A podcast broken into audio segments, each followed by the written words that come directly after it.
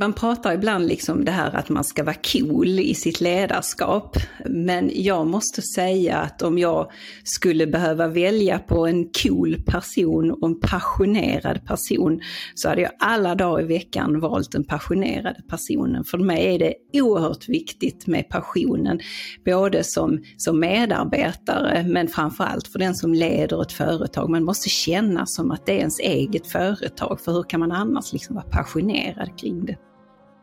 Välkommen till Framgångsakademin Podcast. Innan vi startar igång avsnittet så skulle jag vilja tipsa dig om att signa upp för vårt nyhetsbrev. Vad får man då i vårt nyhetsbrev? Jo, du får en kort sammanfattning från våra poddar som vi spelar in, som är max fem minuters läsning och även en unik eh, rabattkod. Det är superenkelt, du går in på www.framgangsakademin.se och där kan du signa upp för nyhetsbrevet. Nu är det dags för ett avsnitt tillsammans med Cloettas VD Katarina Tell.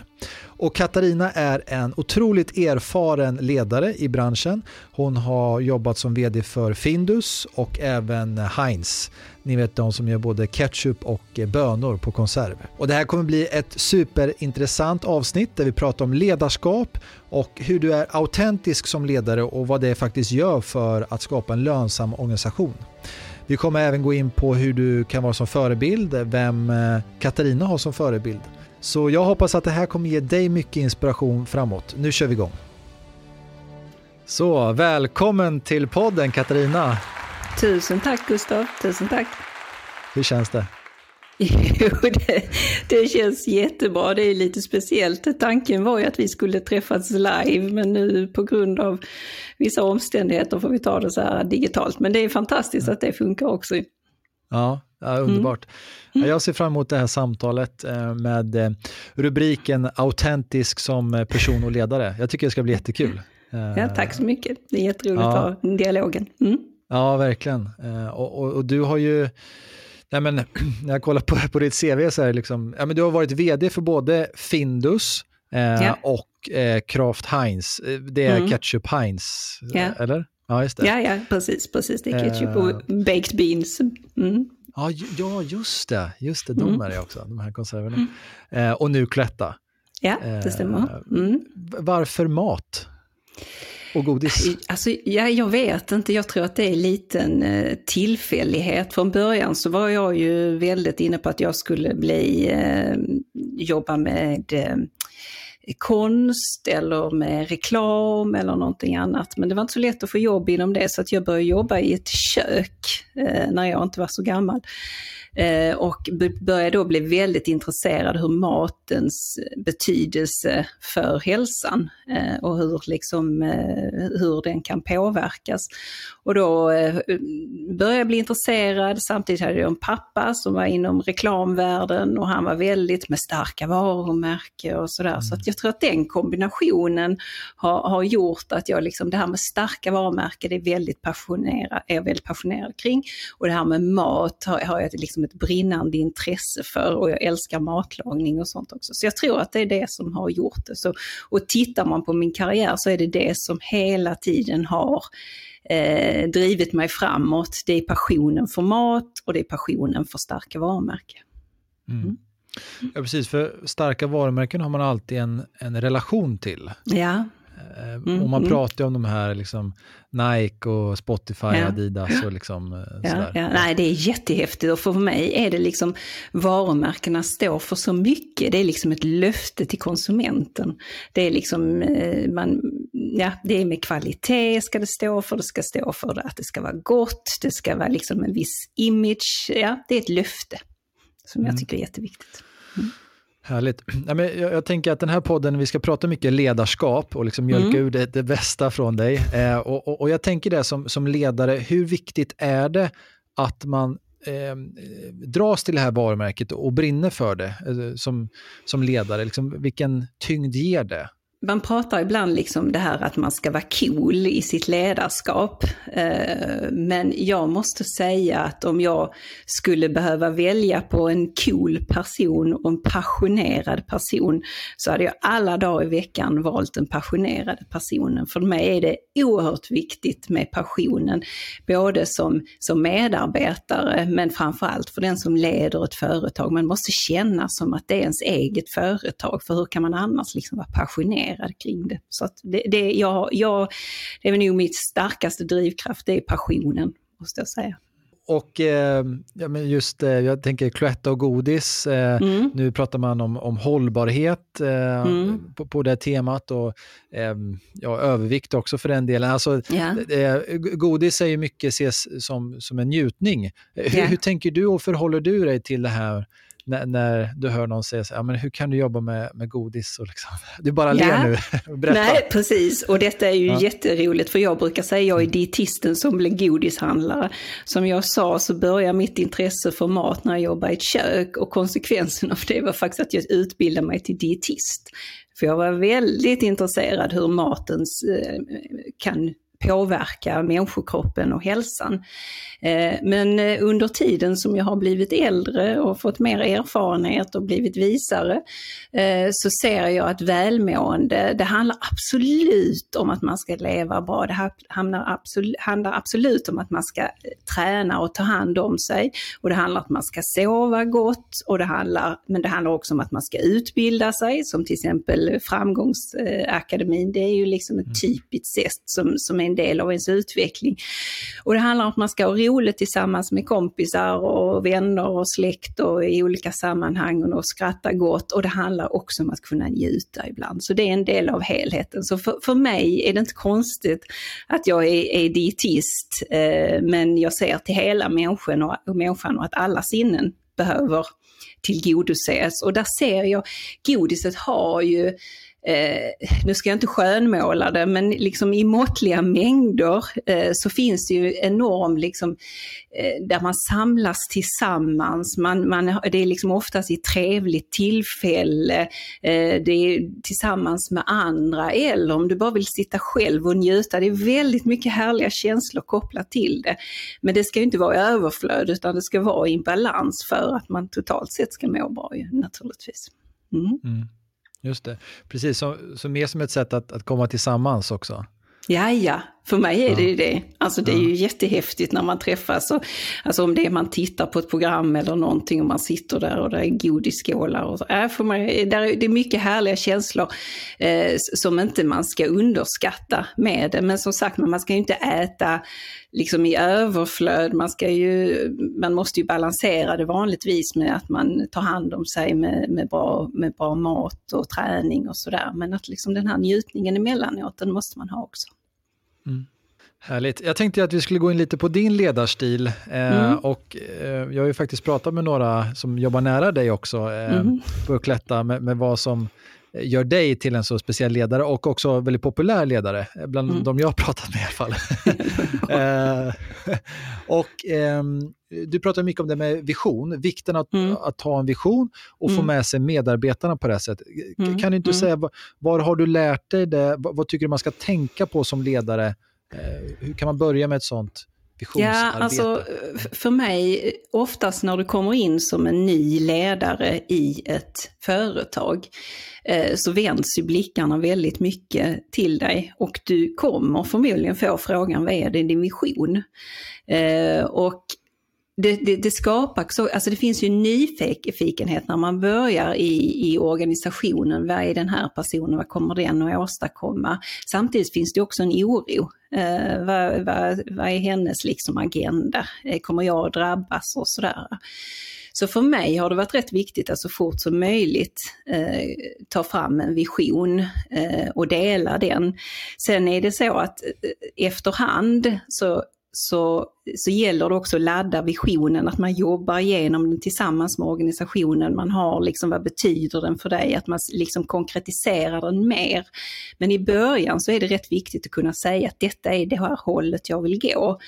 Eh, och eh, jag, jag, det finns ett hinduiskt ordspråk eh, som jag tycker eh, jag tycker är rätt så bra, speciellt då när man eh, är medarbetare och det kommer en ny person i, eh, i ledande ställning och man känner det lite wobbligt och man känner sig lite orolig och sådär. Och det här ordspråket lyder ungefär så här då, det är liksom inte, eh, du drunknar inte för att du ramlar i vattnet du drunknar för att du stannar kvar där. Eh, så för mig är det liksom att i visionen, eh, det är det då om du känner att du sitter i båten och har ramlat lite i vattnet, så är visionen liksom simma lugnt i den riktningen så kommer du i land och du vet du var du ska landa någonstans. Och visionen är också så viktigt liksom i, i allt man gör, i alla sammanhang. För att om vi säger då för, för Cloettas så är det för den svenska eh, organisationen så är visionen att vi vill vara det bästa konfektyrföretaget i Sverige. Eh, och vi vill då bidra eller inspirera till ett godare Sverige. Och det här med godare, det betyder det här att vi vill finnas i sammanhang där människor träffas och det är mysigt och härligt. Vi vill också inspirera med att vi tänker mer hållbarhet. Eh, så till exempel när vi har haft teamaktiviteter så har vi varit ute och städat Sverige tillsammans för vi tänker, ja godisrisken är ju att man, när man äter godis så slänger man, tänker man inte på utan man slänger påsen och då kände vi bara, nej men det här vill inte vi bidra med utan vi vill göra en skillnad eh, ja. med, med att kunna eh, städa Sverige då. Eh, så att, och, och sen det, liksom det bästa konfektyrföretaget, det, det, det, det, är lite hårdare men det handlar ju om att ja, vi måste driva lönsamhet, vi måste vara effektiva för annars kommer vi inte ha, kunna liksom långsiktigt eh, finnas kvar. Och fördelen är ju när man har det här att luta sig på, så, så när det blir förändringar så, så, är det liksom, så kan man säga, ja men ni vet vår vision, ni vet våra målsättningar eh, och detta är en steg i denna riktningen. Och, och det brukar finnas en viss eh, att man vet liksom, ja, känner man lite riktningen så är det lite enklare också att förstå mm. varför förändringarna sker. Eh, du nämnde kort också målsättning. Mm. Hur jobbar ni där? Det här med målsättningar är ju, för vissa är det oerhört viktigt. De tar inte ett steg utan att de har en klar och tydlig målsättning. Så, och jag tillhör väl också en av dem. Eh, det som är liksom utmaningen många gånger det är ju att man får väldigt mycket information så man ska försöka välja, eh, liksom hur, hur ska man välja vad som är det viktigaste målsättningen. Och jag kan ju säga så här att jag, jag, jag får ju ofta väldigt mycket information eh, och där, där brukar jag hänvisa till min mamma som ansågs vara väldigt lat. Jag tror jag ärvt den, den eh, förmågan eller den, eh, jag vet inte vad man ska säga om det är bristen. det För så fort jag får mycket information så bara tänkte jag, åh vad detta är mycket information, vi måste så snabbt som möjligt sortera bort allt som är onödigt och som inte adderar värde och så väljer vi och klustrar så får vi liksom tre, max sex saker som är viktigt. Ja. Eh, och det brukar vara så eh, att jag gör på det viset och likaså när det gäller med målsättningar att eh, vi tillgår, liksom man tittar igenom eh, materialet. Sen brukar jag naturligtvis, det är inte one man show, det är det aldrig, eh, utan detta gör man ju tillsammans med ledningsgruppen. Eh, men man sett, vi sätter oss då och tittar på allt materialet och sen så eh, driver, jag känner jag, jag är nog den som driver det allra hårdast, eh, så sätter vi då eh, varje år kanske sex målsättningar Eh, och då så, så, så, har vi dem och de, de ska ju lira med vår, vår vision, absolut. Alltså annars har, vi, har ju inte den något värde. Eh, och sedan då när vi, eh, och, och, sedan så liksom bryter vi ner de här eh, visionerna eller de här målsättningarna eh, i organisationen. Så att det är inte så att när man får sin målsättning som medarbetare så är det ju länkat till de här sex eh, stora målsättningarna om man säger och sen så är det då länkat till visionen. Eh, och det försöker vi då mäta och eh, se, se efter så att vi är på rätt väg. Eh, så att vi, vi försöker alltid hitta någon nyckeltal till varje, eh, varje sån här målsättning som vi har då. Eh, och vi kallar det då, det är många företag som kallar det must win battles, där man säger att detta är liksom ett, nästa år är detta jätteviktigt att vi, vi vinner den här, eh, det här kriget, eller vad man ska det här slaget. för att annars så, så, så blir det svårt för oss att nå våra målsättningar. Då. Mm. Ja, precis. Jag, jag, jag, tänker också på en, en annan del som är viktig som ledare och att vara mm. visionär kring, kring mindset. För du, mm. du har tidigare sagt också att, eh, att fokusera på det som faktiskt gör skillnad. Mm. mm. Eh, vill du utveckla lite den delen? Eh. Ja, Alltså det, det handlar om, om fokus och, och, där vi pratade innan att jag har ju då varit på Kraft Heinz också och mm. eh, när jag var där så, så, var det rätt så stora förändringar i ägarstruktur och sådär och det, det, det, var mycket stök och det var, och problemet är också när det är stora förändringar så har man ofta kvar det gamla och så samtidigt ska man in det nya och, det är, mm. och så kommer det in någon kultur där man ska ha mycket äh, rapporter och, och sånt också. Och där var jag så här, äh, till slut blev jag så trött på allting så, så, så, så den enda fråga jag ställde så fort jag fick att jag skulle göra någonting och då hade jag ändå ett team som rapporterade till mig. Så sa jag, ni gör ingenting utan att ställa frågan, hur hjälper detta mig att sälja mer ketchup? Ja. Och, och det, det, sa jag också till de som var liksom koncernchef. Så sa jag, jag gör ingenting om ni inte kan tala om för mig hur detta hjälper mig att sälja mer ketchup. Och då, så, liksom, då blev jag helt tysta. De bara, Ja, det är ju en, en, liksom en, en bra fråga. Ja, så, då, ja. så då lugnade de sig väldigt eh, med att, liksom, för det krävdes mycket rapporter och det var mycket liksom, utmaningar. Men då var de nej, nej, de vill bara ha grejer som för affären framåt i på ja. den svenska marknaden. Mm. Ja. Men, och, och skulle du säga att du jobbar på det sättet idag också med Cloetta? Ja, det gör jag eh, till viss del. Eh, sen är det ju lite så att vissa grejer kanske man eh, eh, måste, alltså man är en del av en struktur eh, och speciellt när man är väldigt nära eh, när man säger på Craft Times, det var en mycket större organisation. Jag var eh, längre ner i hierarkin så att säga. Ja. Det låter lite mm. konstigt. Eh, men på Cloetta så, så är jag ju liksom registrerad insider eh, och liksom eftersom vi är ett börsnoterat bolag så är det ju vissa regler som gäller på ett annat sätt och även om jag kan tycka att det här driver ju inte affären framåt så måste det ändå göras för att det är en del av den struktur vi har idag. Så att mm. eh, man kan inte vara riktigt lika krass eh, på, eh, i det jobbet jag har nu kan jag säga. Men ja, till viss del, när det går så, jag, så, så är jag det. Um, jo, jag, jag, tänkte på det här vi pratade om i början när du nämnde hur, hur du egentligen för du har aldrig planerat din karriär. Alltså nu Nej. har du jobbat ändå som vd då mm. på både Findus, eh, mm. Kraft Heinz och mm. nu Cloetta. Och det är, man, mm.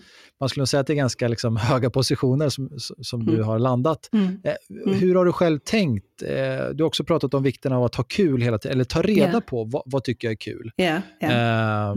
Kan du inte berätta lite hur du tycker och hur du försöker motivera medarbetarna på samma sätt? Ja, alltså och, och, och, där är det lite, eh, jag, jag, vet att många har så här och förespråkar det och de själv känner så också att man, man, eh, man ska diskutera väldigt vad är mitt nästa karriärsteg, vad ska jag ta, liksom, var vill jag gå vidare? Och man pratar med chefen att nu, nu har jag varit här tre år på denna tjänsten, vad är mitt nästa steg? Och sådär. Eh, och Eh, jag personligen har aldrig gjort det. Eh, utan jag har, när jag har varit på den tjänsten jag har haft, så har jag eh, liksom tittat, vad är det, hur kan jag göra den här tjänsten så bra som det bara går? Eh, hur kan jag maximera den? Vad kan jag göra så att den blir liksom ännu roligare? Hur kan jag liksom känna, eh, ja, eller jag har känt 100% ägandeskap för det, men att jag verkligen har drivit det framåt och, och liksom varit passionerad och tyckt roligt och, och, och engagerat andra människor också. Att mm. nu ska vi göra detta och häng med på detta, så här, nu tar vi det vidare. Och grejen grejen är det att, att gör man på det viset, eller vad jag upplever, det är ju att det, man uppfattas ganska som, så positivt och eh, de som är liksom lite högre upp, de ser en, de säger oj vad hon brinner för det här eller han brinner för det här jobbet och det här varumärket eller det här affärsområdet. Eh, så att då frågar de, vill du göra någonting annat? Eh, som oftast är lite större.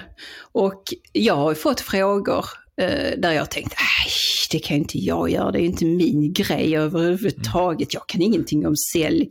För jag har liksom mm. då en utbildning även som, som marknadsförare och när jag fick jobb, frågan om jag ville bli säljchef första gången, jag bara nej, jag är ingen säljare, jag ska, det ska inte jag göra. Så där, de bara, ja men testa, du har ju inte liksom, vi tror på dig, prova och se ja. hur det är. Och jag bara, ja, varför inte? Och så, så, så testade jag på det och ja, så gjorde jag det bästa jag kunde av det. Och sen kom nästa fråga, ska du inte jobba med butiksaktivering? Jag bara, bara, nej det har inte, kan inte jag, det har jag aldrig gjort och sådär. Jo mm. men eh, ska du inte testa? Jag bara, ja så tänkte jag så testar jag och sen helt plötsligt så var jag ansvarig för den globala butiksaktiveringen på Heinz var det då på den tiden. Ja. Så det handlar liksom hela tiden om att ta möjligheter och liksom engagera sig i det och tycka det är roligt.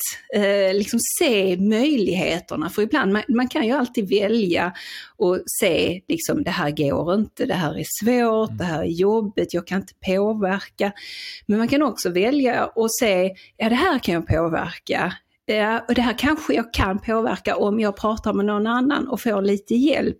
Och ja, det här är en idé som jag kan ta vidare. Jag frågar, jag säljer in den och tar den vidare. Så att man har, man ska, jag, jag tror att det är viktigt att försöka liksom göra det bästa av den situationen man har och sen kommer, kommer möjligheterna. Och kommer inte möjligheterna så, så kan man ju alltid söka sig till något annat jobb om man tycker det är tråkigt. Men tycker man det är roligt så är det inte hela världen om inte möjligheterna kommer, för då har du ändå ett roligt jobb som du hela tiden utvecklas och gör mer av.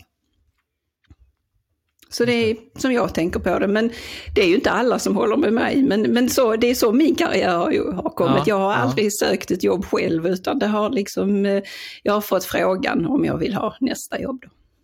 Just det.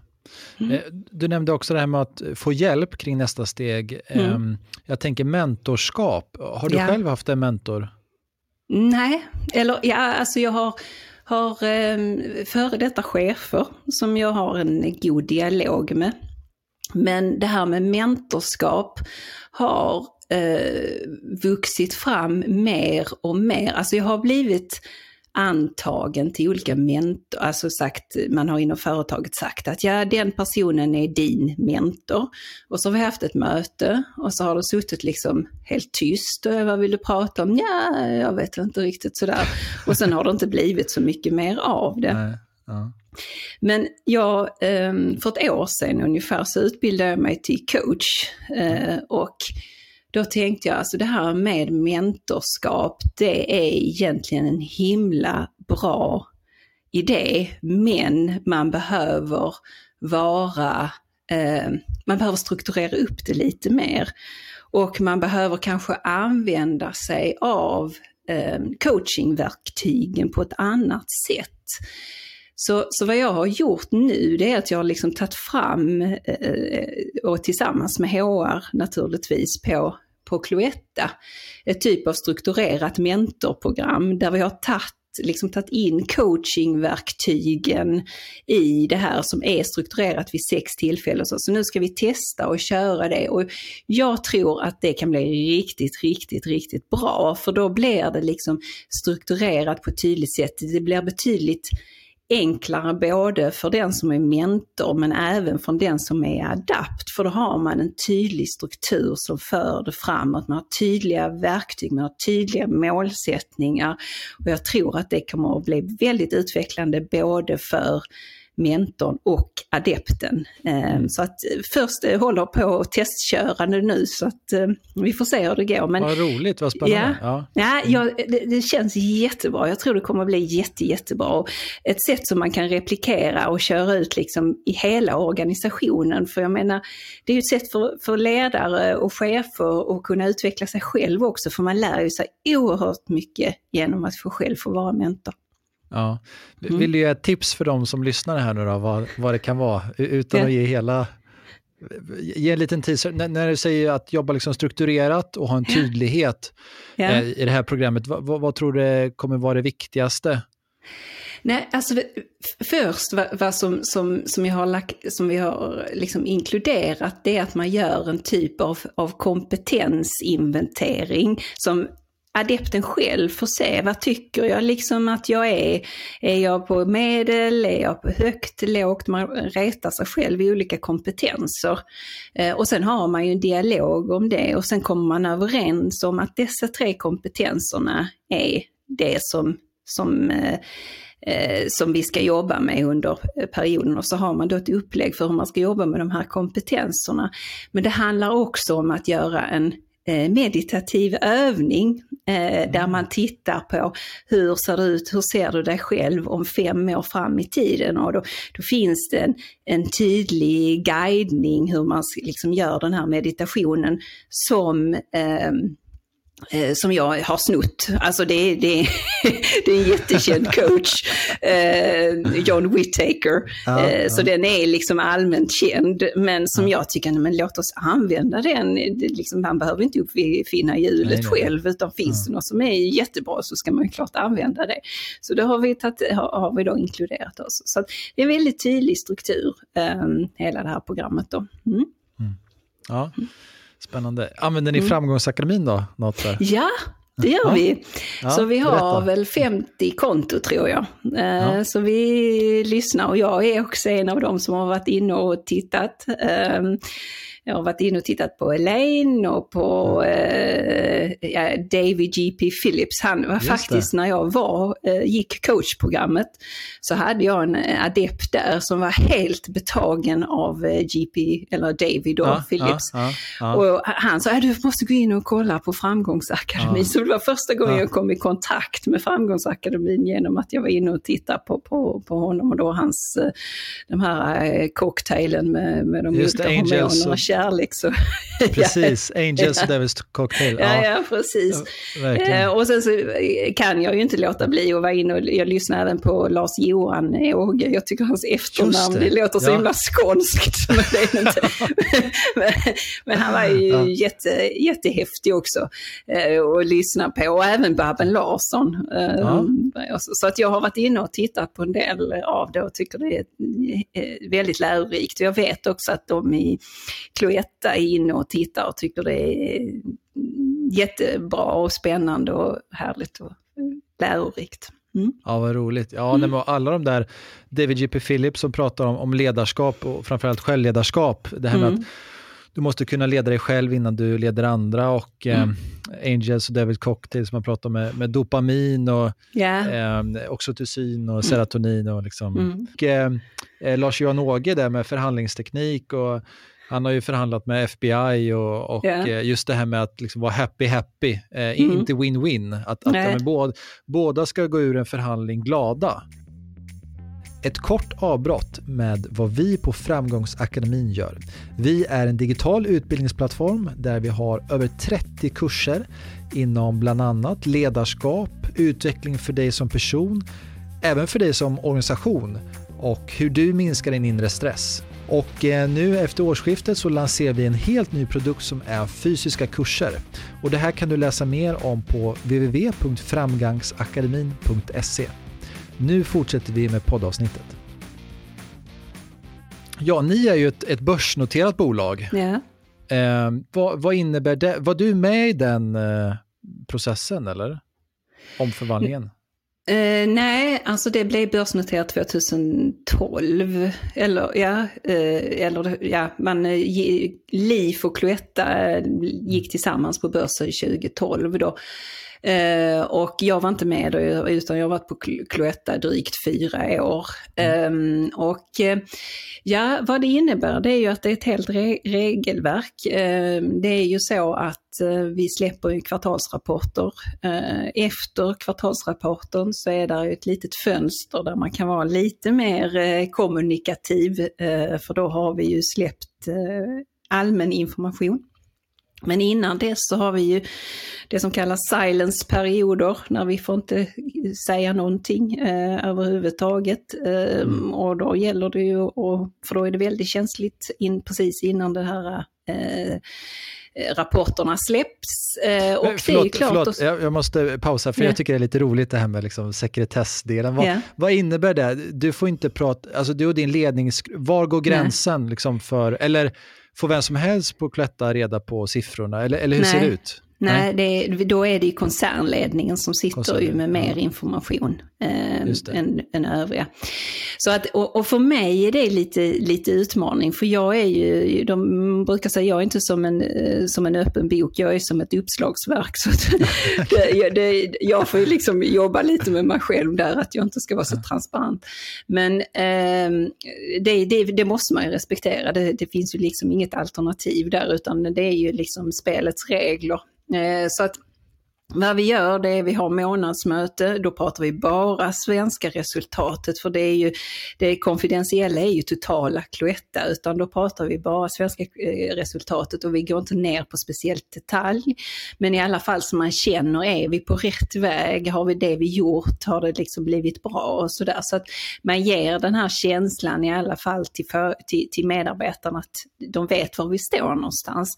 Och sen när det är kvartalsavslut så kan man vara lite lite mer transparent eh, och informera lite mer kring detaljerna, hur det har sett ut och sådär, för då är det liksom allmän eh, kännedom. Men det är ju det är lite, lite känsligt liksom, eh, att man måste vara försiktig med vad man säger och vad man gör och så här. Det är inte omöjligt, inte alls, men bara så man tänker efter. Mm. Lite. Mm. Just det. Och, och eh, i vilka länder finns ni för koncernledning, då är det från också de andra länderna? Ja, precis. precis. Mm. Så att eh, Cloetta, eh, största marknaden är Sverige. Så att vi står ju för ungefär en tredjedel av den totala omsättningen. Eh, och sen är det Finland som är eh, andra störst.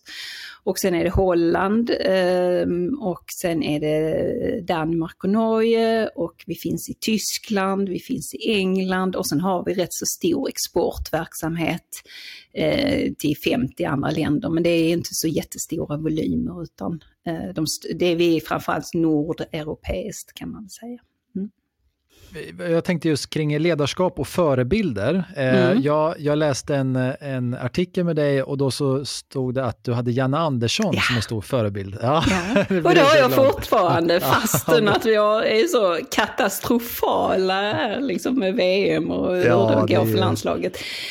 Ja. nej men det eh. stämmer. Jag tycker han är, eh, men det är hans stil. Alltså jag gillar ja. hans sättet, hans hur han pratar. Han är lugn, han är sansad. Han är liksom, han gör inte saker svårare än vad de är utan han, han känns så himla stabil. Um, så att det är det. Och sen så om man säger för VM förra gången så gjorde han ju fantastiskt. Då, då var det ju inga av de stora spelarna som var med och då lyckades han ju skapa ett fantastiskt team som gick till åttondelsfinal och då var det liksom ganska mediokra spelare. Så att, eller ja, mediokra. Allting är relativt, men jämfört Inte jämfört med, med oss. jämfört med oss, ja. Så, så, eh, Eh, så att, eh, och det tyckte han gjorde jätte, jätte, jättebra. Eh, men sen, ja, som, som personlighet så gillar jag honom supermycket.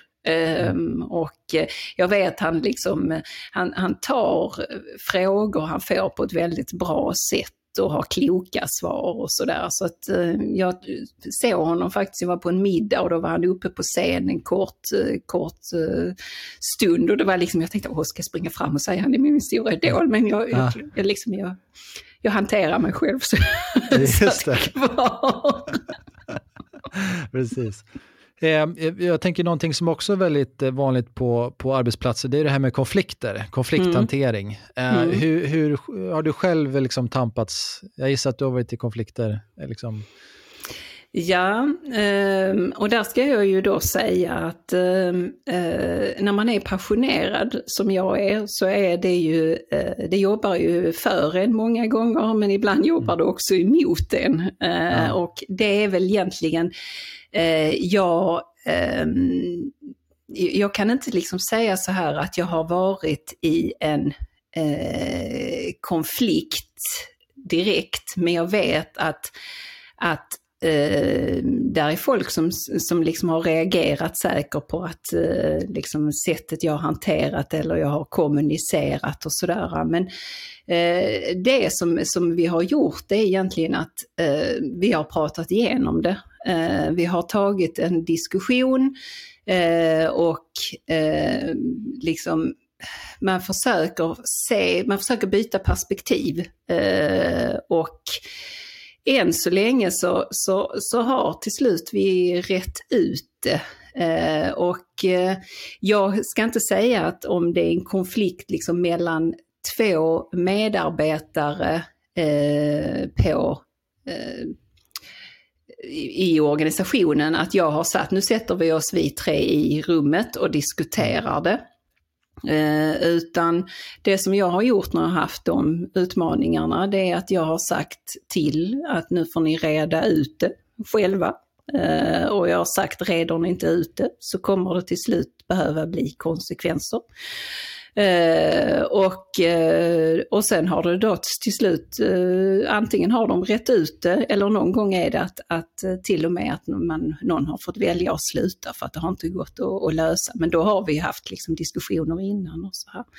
Men det är, en, det är inte... Mm, mm eh, jag vet inte, jag, eh, man kan kalla det konflikthantering eller man kan kalla det förhandling. Mm. Eh, jag går hellre, hade, jag försöker alltid gå in i det mer och se det som en förhandling, en diskussion där vi försöker hitta happy happy. Mm. Eh, ta fram problemet och lösa det och sen så se så liksom hur vi kan hitta en, en, där vi båda är, eller de som är involverade, att de är nöjda.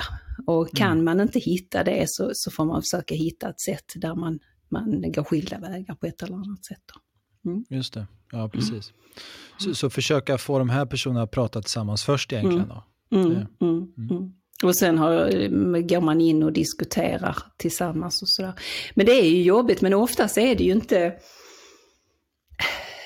Alltså oftast är det ju när det är människor som vill mycket. Det handlar ju om att man, man det, det, det är ju oftast inte två latmaskar som, som Nej, blir ja, ovänner. Utan ja. det är ju oftast väldigt passionerade människor som, som vill mycket och sådär. Så det gäller ju att man inte eh, liksom dödar det utan man istället ser vad är, vad är roten till problemet och låt oss hitta en väg framåt istället. Men det kan ju ibland kan ju bli svårt om det är väldigt två olika personligheter som fullständigt krockar med varandra. Så, så är det ju inte, är det ju svårt att, att hantera innan man mm. hittar en bra väg framåt. Härligt. Eh, mm. Ja, nu behöver vi avsluta. Eh, mm. Jag tänkte bara kolla med dig, hur, eh, om du skulle ge tre, de tre bästa tipsen för den som är ledare idag, eller vill bli ledare, vad, vad, mm. vad vore det? Oh, vilken bra eh, fråga. De tre bästa tipsen för att vara, eh, vara ledare. Ja, för det första så skulle jag ju bara säga, var dig själv och autentisk.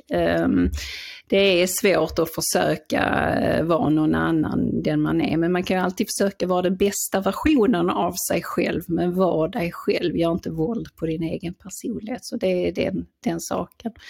Mm. Och sen säger jag också liksom walk the talk. Eh, gör en, säg inte en sak och gör någonting annat. Det kommer aldrig eh, fungera.